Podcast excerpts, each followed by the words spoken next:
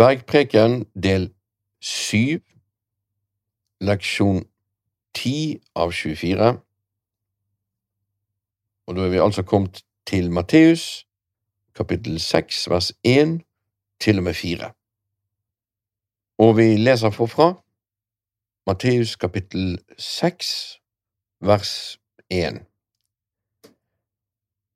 Se til at dere ikke gjør deres barmhjertighetsgjerning foran mennesker for å bli sett av de. Da har dere ingen lønn fra deres Far i himmelen. Når du gjør en barmhjertighetsgjerning, skal du ikke markere det med å blåse i basun, sånn som hyklerne gjør i synagogene og på gatene, for at de skal bli æret av mennesker. Sannelig sier dere, at de har alt fått sin lønn.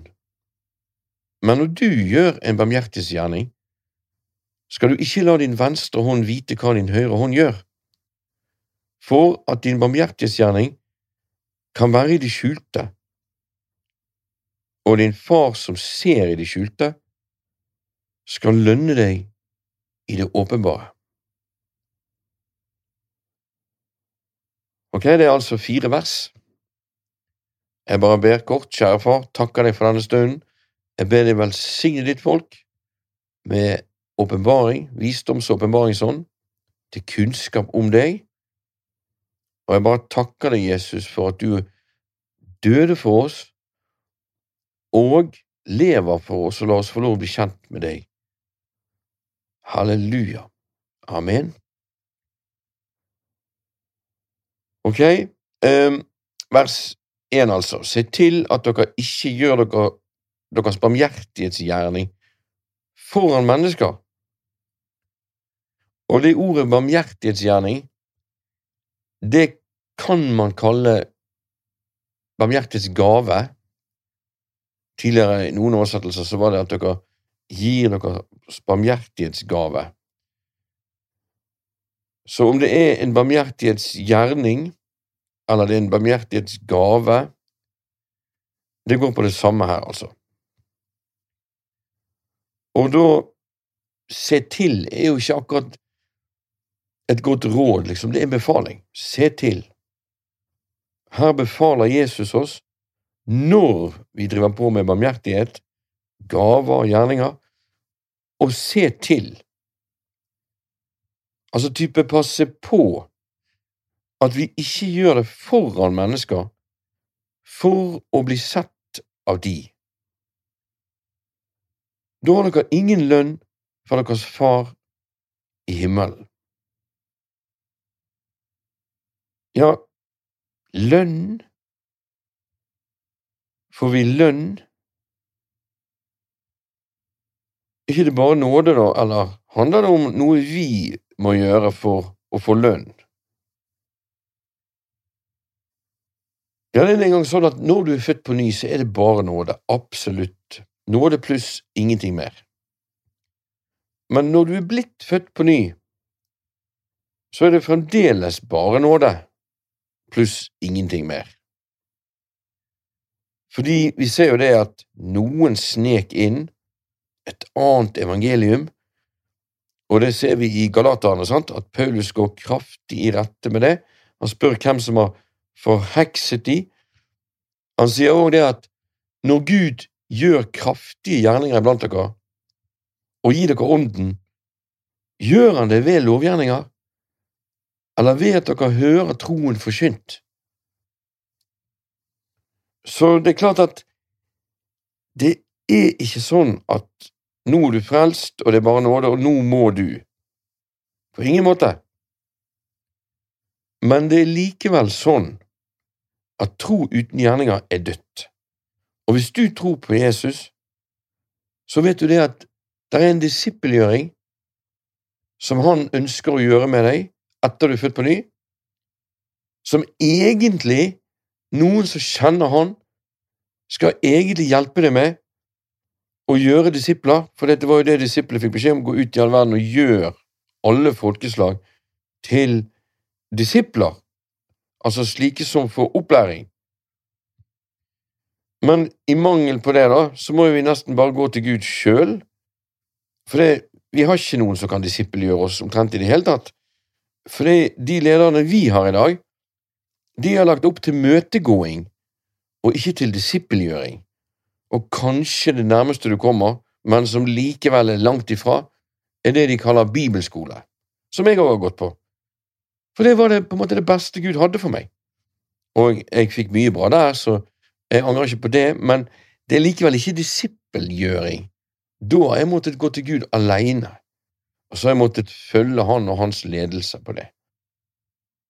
Så dermed så er det slik at ja, det er bare nåde, men det er òg nåde å få lov til å bli disippelgjort. Og det er faktisk òg nåde og kjærlighet at Gud oppdrar meg, at Han hjelper meg, han vil meg noe, han korrigerer meg, han stiller krav til meg, han har grensesetting overfor meg, for det fins ingen kjærlighet uten grensesetting, uten formaning, uten opplæring, uten at hva skal jeg si da, faren din, som er Gud her, da, oppdrar deg mer og mer, stiller høyere nivå og utfordringer til deg og trener deg. For Gud han inkluderer deg på så høyt nivå at han gjør det også. Ja, men er det nåde, da? Da kommer det an på gjerninger. Nei, fordi at det er klart det at mange vil si ja, men jeg trodde jo på Jesus. Ja, men du hadde jo ingen gjerninger som har med det å gjøre. Og den Jesus du trodde på, har jo ingenting med den egentlige Jesus å gjøre. For den egentlige Jesus sa mange ting, og hvor mye brydde du deg om det han sa? Så Jesus, han har sagt ting, og hans ord, de er etablert i himmelen for all evighet, står det. Står i Salme 119. Du har etablert ditt ord i himmel for all evighet. Altså er det en standard, en mal, en template, som det heter på engelsk. Og den standarden trenger du opplæring i fordi at vi snakker om himmelens rike her. Dette på jorden er en forberedelse for det riket. Og du skal bli opplært til himmelens rike, som Jesus sier. Og der er det andre, på en måte, vi kan si, regler eller standarder som gjelder enn det som er på jorden. For på jorden der er det ondskap som, som rår, sant? mens i himmelen der er det kjærligheten som rår. Dermed kan Jesus komme med mange befalinger, og når vi gjør de, så kommer ikke det an på gjerningene våre for å være gode nok for Gud, fordi at vi er jo allerede blitt gode nok når vi blir født på ny, for all evighet. Med ett offer har han for alltid fullkommengjort de som blir helliget. Så er du født på ny, så er du fullkommen gjort i Kristus Jesus, og nå blir du helliget. Og måten det skjer på, er jo nettopp det at du blir forvandlet ved at du, ditt sinn blir fornyet. For Gud driver ikke og forandrer deg, og du klarer heller ikke særlig mye ut av det, men Gud, han forvandler. Han er i forvandlingsbransjen, og det skjer ved fornyelsen av sinnet ditt. Det betyr at det vi leser her, det kan du kanskje bare glemme å gjøre. Fordi at nå sår jeg ut, sant, og det er såkorn. Men mange kristne de går ut på åkeren og plukker opp igjen såkornet for å høste. Nei, du må jo vente litt. La dette synke ned i jorden, og la det gå tre–fire måneder, to–tre i hvert fall, inntil det kommer høst på det. Jeg pleier altså aldri å gjøre det som står i Bibelen. Jeg leser det, jeg undrer meg, jeg grunner på det, jeg snakker med Gud om det, jeg får opp protester i meg, det utfordrer noe i meg, jeg ligger på kne og jeg merker ånden og tak i det, vi begynner å jobbe med det. Etter hvert så kommer det opp sant, at dette her er ikke noe jeg liker, gjerne, og så må jeg bekjenne det som synd, det jeg har fra før, og hvordan jeg har tenkt, og så må jeg på en måte bli ett med det, sant? for det ordet jeg hører, må bli til nytte for meg ved at det smelter sammen i hjertet til meg som hører det, ved troen. Og da må jeg bruke tid på det. For det, hvis jeg gjør det, eller som Jesus sier til de som har kommet til tro på han, dersom Dersom dere blir i mine ord, da skal dere kjenne sannheten, og sannheten skal frigjøre dere. Mange kristne sliter med fordømmelse i dag, som er helt på jordet, for det er jo ingen fordømmelse. Altså er det bare bortkastet, alt sammen, alltid. Men likevel, fienden er utspekulert, han klarer å lure, og folk er ikke grunnfestet i ordet, for hvis de er det, den som er grunnfestet Hva det står da? Den som er grunnfestet, lar du alltid ha fred. Grunnfestet sinn lar du alltid ha fred, står det i. Eller det står egentlig fred, fred, shalom, shalom. Men når det står to ganger altså på hebraisk, så betyr det veldig sterkt. sant? Og når man da ikke har grunnfestet sinn, så begynner jo fienden å manipulere og lure, og så får man fordømmelse. Mens egentlig er det jo ingen fordømmelse for den som er i Kristus Jesus. Så de kampene vi har etter vi er født på ny, kommer mye av mangel på samfunn med ordet. For det at Jesus sier dersom dere blir i mine ord, er dere i sannhet mine disipler, og dere skal kjenne sannheten, og sannheten skal frigjøre dere. Nå glemte jeg i sted å si dette med sannhet mine disipler, men det ligger litt i det, for det er du foreleser på et eller annet sted, på en skole eller hva det er, de elevene som sitter der og som blir igjen og leser og sitter på gangen og grunner på det du har sagt, ja, det er de som er i sannhet til dine elever, kan vi si.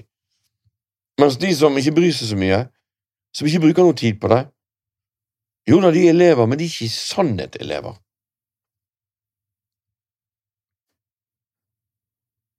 Og Guds ord er enormt, sant, fordi at det er jo mindre enn alle andre hagevekster når du så det, men det vokser opp og blir større. Og det kan lett kveles. Bekymring, rikdommens bedragelyst og andre ting, det kan kvele det. Altså, det er sensitivt i starten, men det er òg sånn at Guds ord er levende. Når du leser nyheter, er ikke det levende, men Guds ord er levende og virksom. Det kan godt være det at avisen også er virksom, skaper frykt, eller hva det er, men Guds ord er levende og virksomt og skarpere enn noe tveegget sverd, og det trenger gjennom. Og det er jo sånn at ja, men jeg føler ikke jeg klarer å ta, ta de versene til meg, jeg klarer ikke altså rettferdiggjort. Jo da, men bruker du tid der, og blir der kanskje det tar deg tre måneder, hvem vet, kanskje lenger, hva skjer? Jo, ordene om at du er rettferdig til Kristus, er levende virksomme, skarpere enn noe tveget sverd, og de trenger igjennom.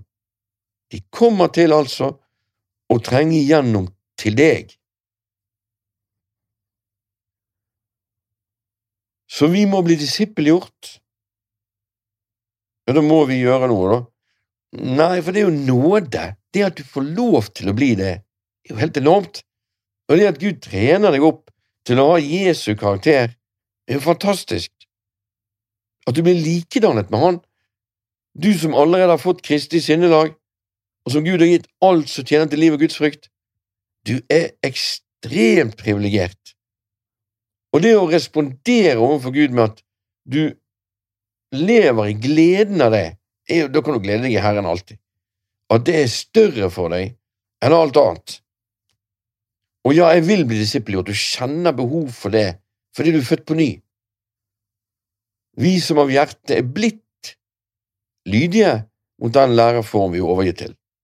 Her kommer vi også inn på de, en av de kristne frasene. Sånn vi har, Jeg tar de opp av og til. For det, vi må på en måte luke ut alle mulige ugress fiender sådd inn. Vi kan ikke bare forsyne de gode nyhetene i dag, for vi må også pløye vekk alt det der andre. Så, men vi må være villig. Har jeg hørt tusenvis av ganger, tror jeg, i menigheter. Nei, det er en løgn. Du må ikke være villig. Gud bryr ikke seg om du er villig eller uvillig i det hele tatt. Du må uansett fornekte deg sjøl, ta opp ditt kors hver dag og følge Han. Og når du gjør det Paulus sier i Romerne at dere som av hjertet er blitt lydig mot den læreform dere er overgitt til. Og når du vandrer som den du er i Kristus Jesus, ikke som den løgnen at det er deg sjøl, for deg sjøl tok Gud livet av. Nå er du en ny skapning. Det som betyr noe, er å være en ny skapning, sier Bibelen. Og de som holder seg til denne rettesnor, så det er en rettesnor å være en ny skapning. Skal den aktiveres, må du fornekte deg sjøl, være til opp til kors og følge an. Da merker du at du er nyskapning mer og mer. sant? Men som ny skapning i Kristus Jesus, har du da ulydighet i deg? Eller virker Gud og virker deg både å ville og virke til sitt behag? Er du da uvillig og Nei, det er skjød, det, i så fall. Dere som av hjertet er blitt lydig mot den læreform dere har overgitt til. I hjertet ditt er du lydig, du, fordi du er Kristus Jesus. Og Kristus Jesus er ikke ulydig. Aldri var han det. Noen gang. Derfor kan vi ta enhver tanke til fange under Jesu Kristi lydighet. Det at han var lydig, det gjør at du kan stenge av alt annet, for det han betalte for deg. Nå er det oversatt med i noen bibler under lydighet under Kristus Jesus, men det er feil, tror jeg, altså. For det er nemlig hans lydighet som redder det hele her. Og når du er i Han, da har du fått hans lydighet. Du er av hjertet blitt lydig mot den læreform du er overgitt til. Amen. Halleluja. Så dermed går vi tilbake til Matteus og ser på lønn. Hvorfor får vi lønn? Er ikke det det at Jesus betalte for oss, da, som er på en måte grunnlaget for all lønn? Jo, men Gud er jo far. Han oppdrar oss, og da liker han sånn som en god far gjør, å gi lønn. Og Nå har han laget sånne lønneposter, som jeg kaller det. Småting vi gjør, som på en måte aktiverer lønn. Og her har vi en av de. Det har med barmhjertighets gaver eller barmhjertighets gjerninger å gjøre. Og når du gjør de, så befaler Jesus i den henseende at da skal du se til at ikke du gjør det foran mennesker for å bli sett av de. Og det står ikke hvis du gjør de, eller gir de, men det står når. Altså er det naturlig for deg å ha det. Som født på ny er standarden for meg, i hvert fall, at Gud inviterte meg inn til hans økonomi, altså tiende. Og det har vært en veldig nåde for meg å få del i.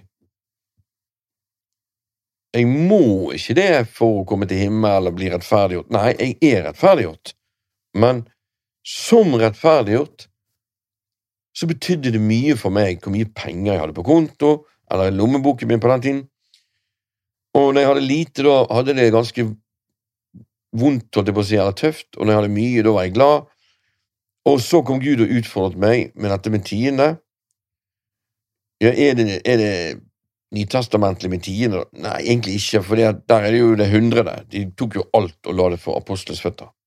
Og i Gammeltestamentet er det tiende, Nytestamentet er hundrede. Men vi kan ikke helt gjøre det i dag, fordi det må liksom være ledet av Ånden, og vi er ikke helt der. Så jeg pleier å si at et eller annet sted mellom tiende og hundrede er vi i hvert fall. Velsignelsen med det var det at vi kan si det at hjertet mitt ble omskjært, følte jeg, på det som går på økonomi, og jeg har aldri siden hatt økonomiske problemer. Jeg har heller aldri latt økonomien svinge, akkurat som det døde i forhold til hjertet mitt. Hvor mye penger jeg har eller lite penger, spiller ingen rolle. Herren er min forsørger. Har jeg gått tom noen ganger for penger? Absolutt. Jeg tror det er rundt åtte ganger. Men som det står i Mal Malakis, han prøver meg på denne måten. Så de åtte gangene har jo vært spennende. Det var jo litt dramatisk der, sånn, men alle ut av de er jo vitnesbyrd jeg kan fortelle om i dag, som er helt fantastisk og oppmuntrende å høre. Så det er bare spennende når jeg går tom. Ja, ja, Gud, hvordan vil du løse dette? For at han vil løse det, det vet jeg. Deres himmelske Far vet at dere trenger alt dette, dere har lite troende. Hvor skal tiden gå, da? Den går til de du får åndelig mat ifra. Det er ditt forrådshus. Er det en menighet, og der får du forkynnelse, da gir du det der. Og der igjen skal det forvaltes til forskjellig, blant annet til de trengende, blant annet sånn. Men din jobb er å gi det inn der du får maten din, åndelig maten. Og dermed jeg, sant, jeg har jo da sendt til forkynnere av og til, sant, så jeg har hørt på mye. Det har også hendt at jeg gir det altså For mitt vedkommende går det inn i en Jeg har ikke fått lov av Gud å være innunder noen, annet han sjøl, og til gjengjeld krever han at jeg lever tett på han, selvfølgelig. Og da må jeg på en måte spørre han hva gjør vi med dette, her, Gud? Og da viser han meg, og så følger jeg det, og ferdig. Og eh, det er jo òg sånn at står et vers om at altså, den som blir undervist i ordet, skal, skal dele alt godt med den, den, ja, den som underviser han. Og så kom den siste oversettelsen som vi hadde i Guds ord Bibel, at der står det andre veien. At den som blir undervist i ordet, den som underviser i ordet, skal dele alt godt med den som han underviser.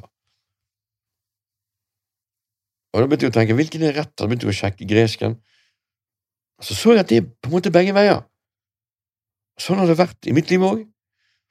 Hvis jeg forkynner ordet, og den jeg forkynner til, er fattig eller mangler noe, da deler jeg selvfølgelig med han. Og motsatt så har folk gjerne delt med meg, for jeg har tatt av livet mitt, tiden min, og økonomien min er skrantende, sant, og, og, eller ikke vært så mye, da.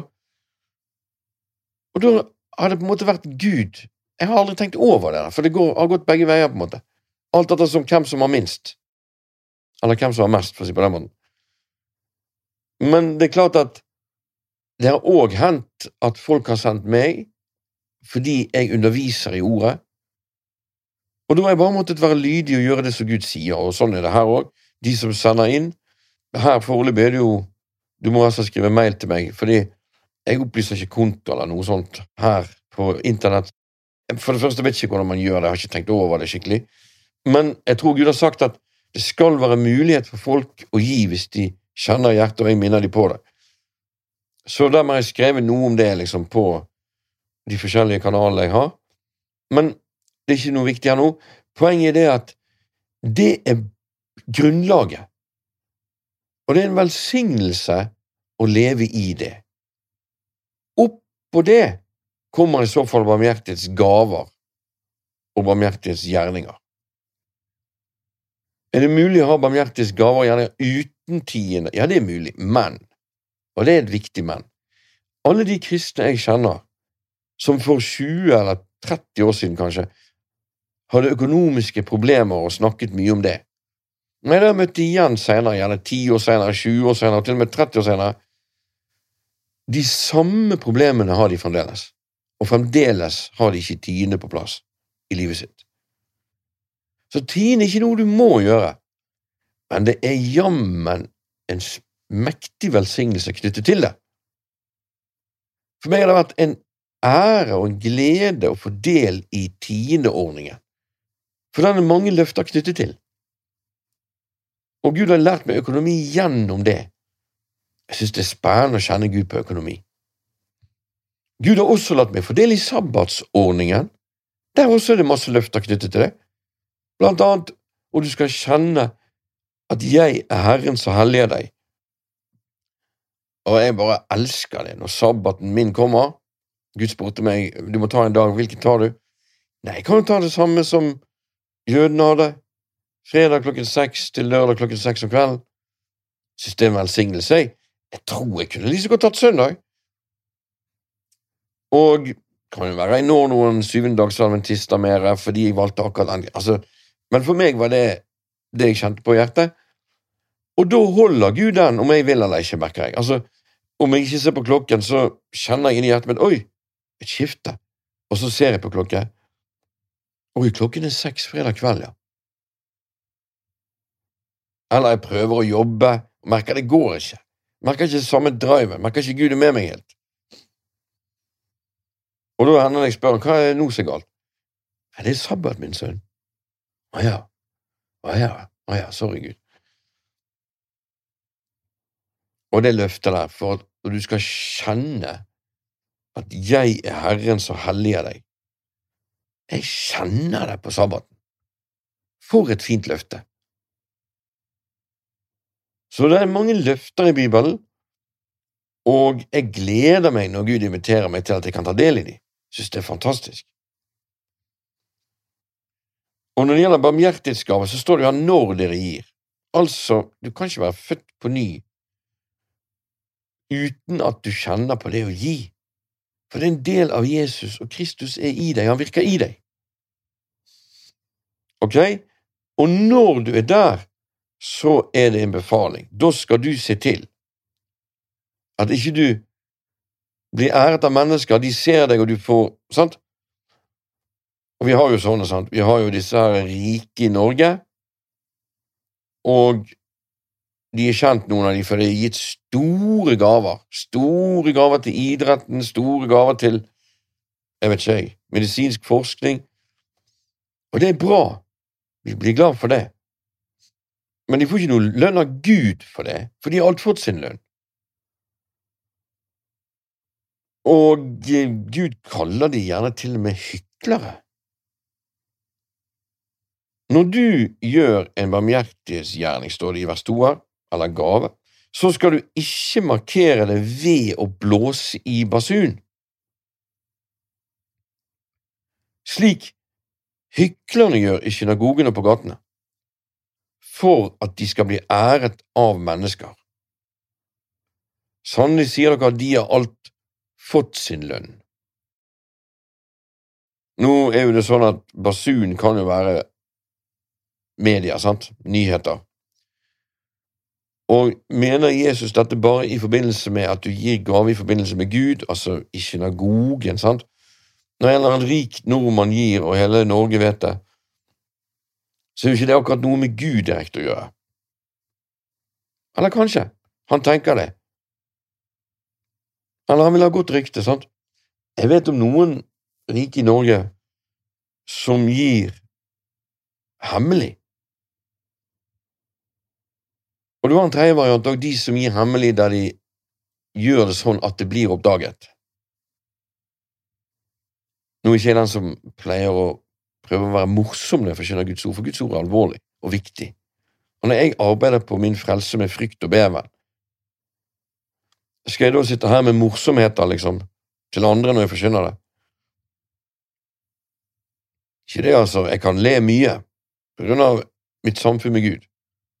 Og gleden i Herren kan av og til ta helt av, det er ikke det.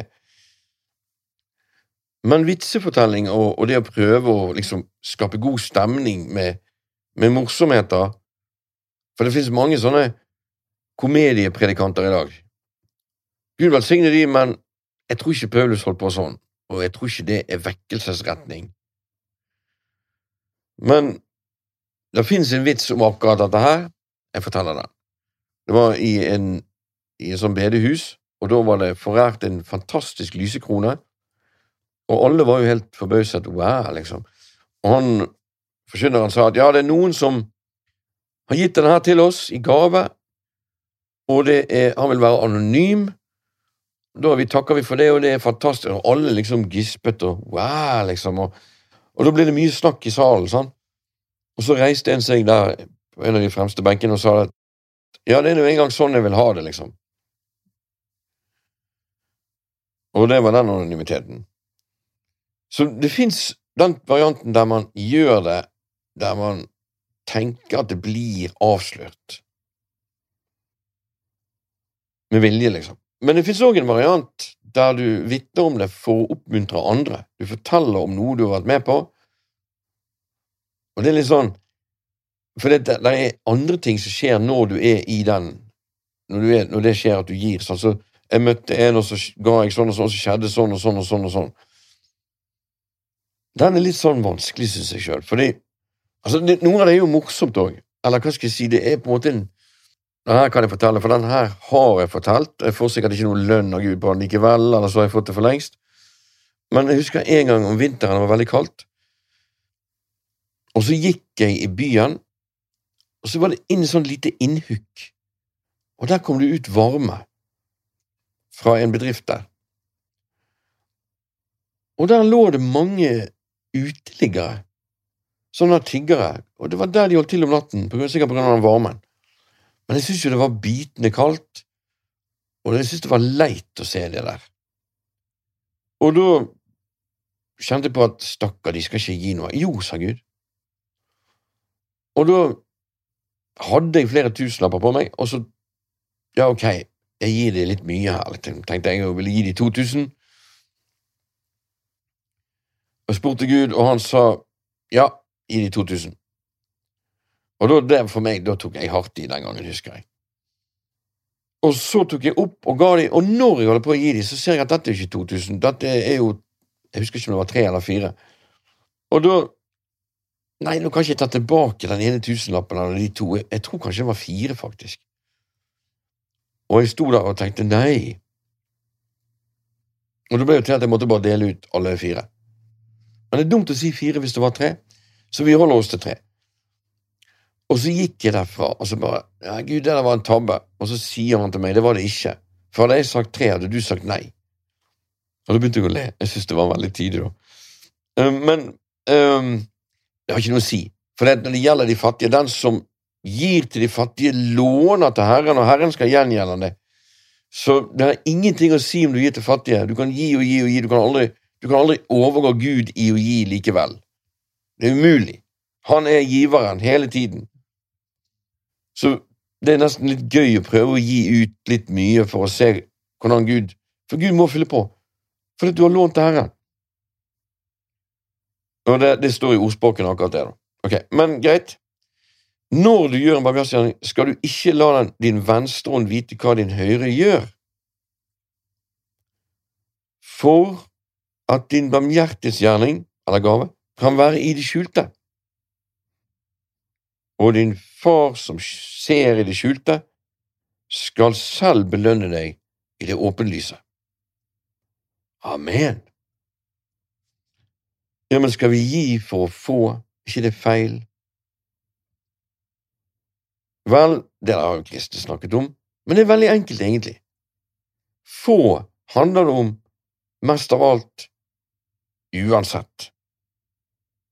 For hele kristenlivet er egentlig bare få hele veien.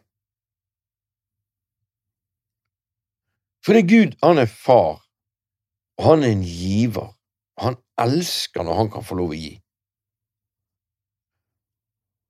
Og deres frykt skal vare for at Faderen skal bli herliggjort. Altså, jo mer du får bønnesvar, og du tar imot på jorden mens du er her for Gud, jo mer blir han æret. Og Gud liker bare å gi og gi og gi og gi og gi, og han elsker når noen tar imot og tar imot og tar imot og tar imot.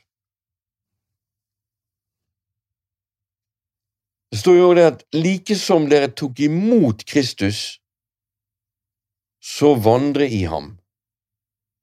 Ja, hvordan var det du tok imot Kristus, da? Jo, Gud ga deg det. Han ga deg forkynnelse. Han ga deg at han virket ved sin ånd til du tok imot. Tok imot. Og det var bare nåde. Du tok imot. Slik tok du imot Han. Slik skal du òg vandre i Han. Det handler bare om å ta imot hele livet ditt. Å ja, men du har jo jobb, og du har jo økonomi Ja, men det er Gud som har velsignet deg. Han som har gitt deg muligheten, han som har gitt deg jobben, han som opprettholder det. Så alt det innunder at han gir likevel. Og hvis du da kan aktivere noen greier der som gjør at Gud gir deg enda mer, amen! Det er jo til hans ære, det òg. Ja, men her står det jo at du skal ikke la din venstre hånd vite hva din høyre gjør. Ja, men det står jo òg i verset etterpå. For at din barmhjertighetsgjerning kan være i det skjulte, og din far som ser i det skjulte, skal selv belønne deg i det åpenlyse. Det finnes ingen vers i hele Bibelen, noe sted, som handler om å gi punktum. Alle handler de om, gi, om å gi, og så skal Gud gi deg tilbake eller mer. Alle versene som handler om å gi, handler om å få enten like mye eller enda mer. Og du kan ikke være mer gudelig enn Gud sjøl, på en måte. Du kan ikke være mer Du har mer kjærlighet enn Gud sjøl har. Hvis han setter mal der, at gi handler om å få enda mer fra han, skal du da være enda mer from og enda mer gudelig, enda mer barmhjertig, at du bryr deg ingenting om det? Du kan ikke ignorere Guds ord og tro at du er mer gudelig enn Gud sjøl. Du kan aldri overgå Gud i å gi. Det går ikke an. Men så er det sånn når vi ser på disse versene her. Det var en gang en mann, en vis mann, sa det at du kan ikke tjene både mennesker og Gud. Og noen sa du kan tjene Gud og mennesker, men ikke mennesker og Gud. Men jeg tror det rette er det at du kan bare tjene Gud. Punktum. Og det vil selvfølgelig involvere mennesker, men det er ikke de du tjener, det er Gud du tjener. Og i den forbindelse tjener du virkelig mennesker, men ikke for å tjene de, eller være øyentjenere, eller bli satt av de, videre. Ja, men er ikke dette her motstridende mot det han sa i kapittel fem, da? Vil noen da lure på, selvfølgelig. Blant annet jeg lurte jo på det en gang i tiden. Og da må vi gå tilbake og se. Da var det i kapittel fem, ganske tidlig der.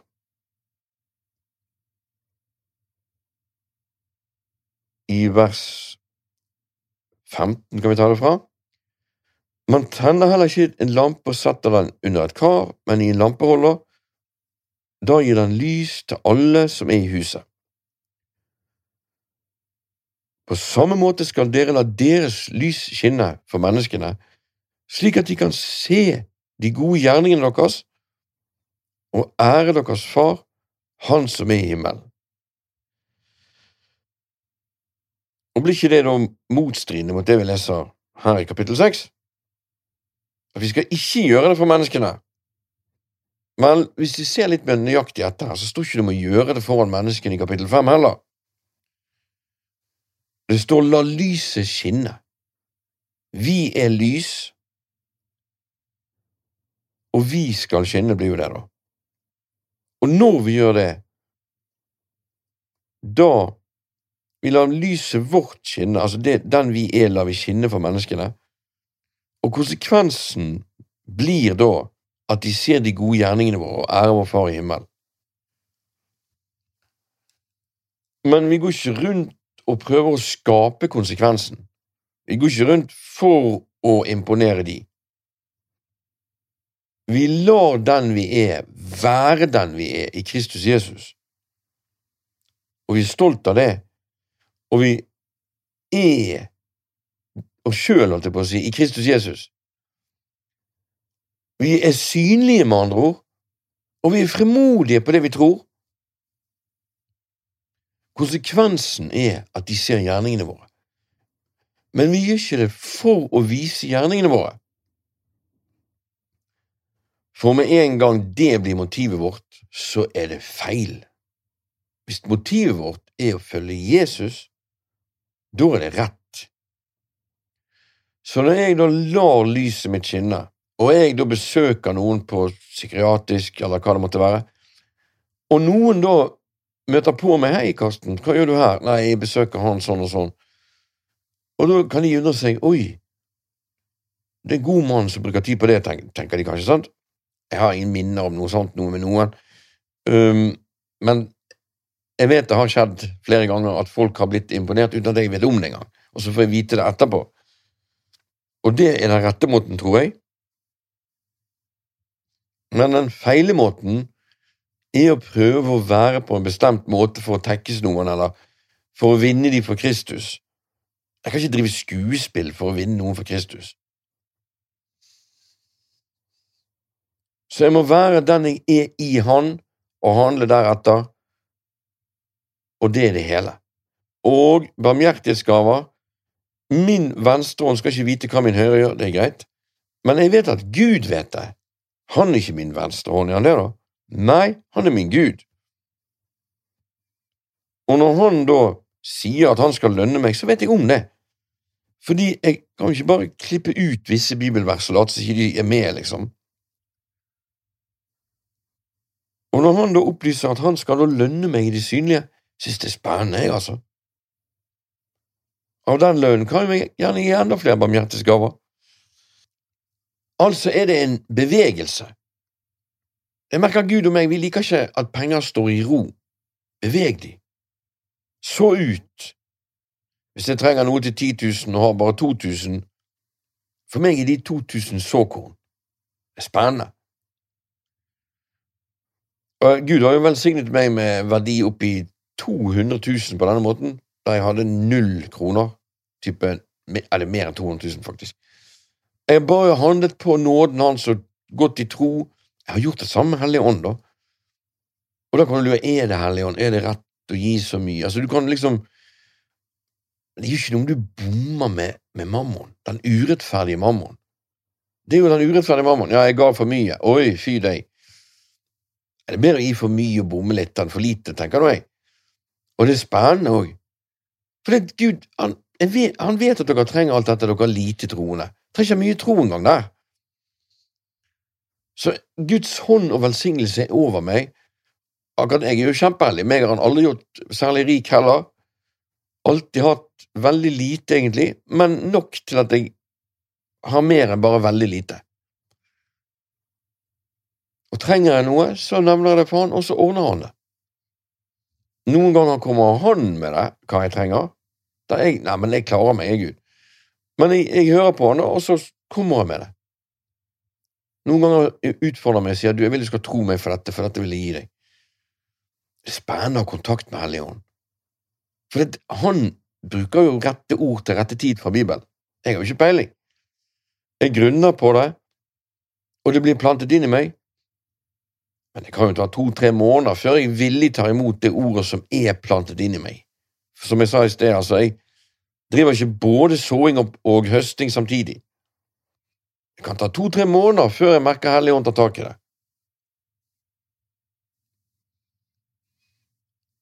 Men altså, én ting er sikkert, sår jeg i ånden, ja, så høster jeg i ånden òg.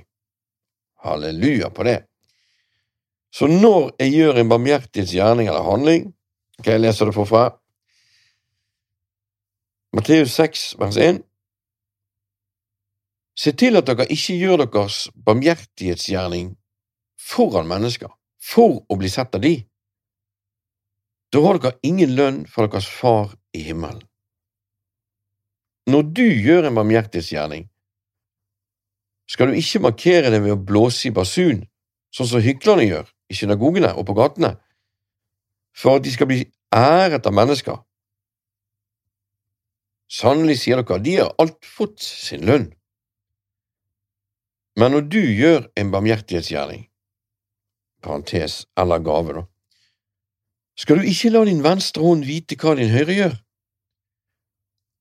For at din barmhjertighetsgjerning kan være i det skjulte, og din far, som ser i det skjulte, skal selv belønne deg i det åpenlyse. Amen! Dette er fantastisk.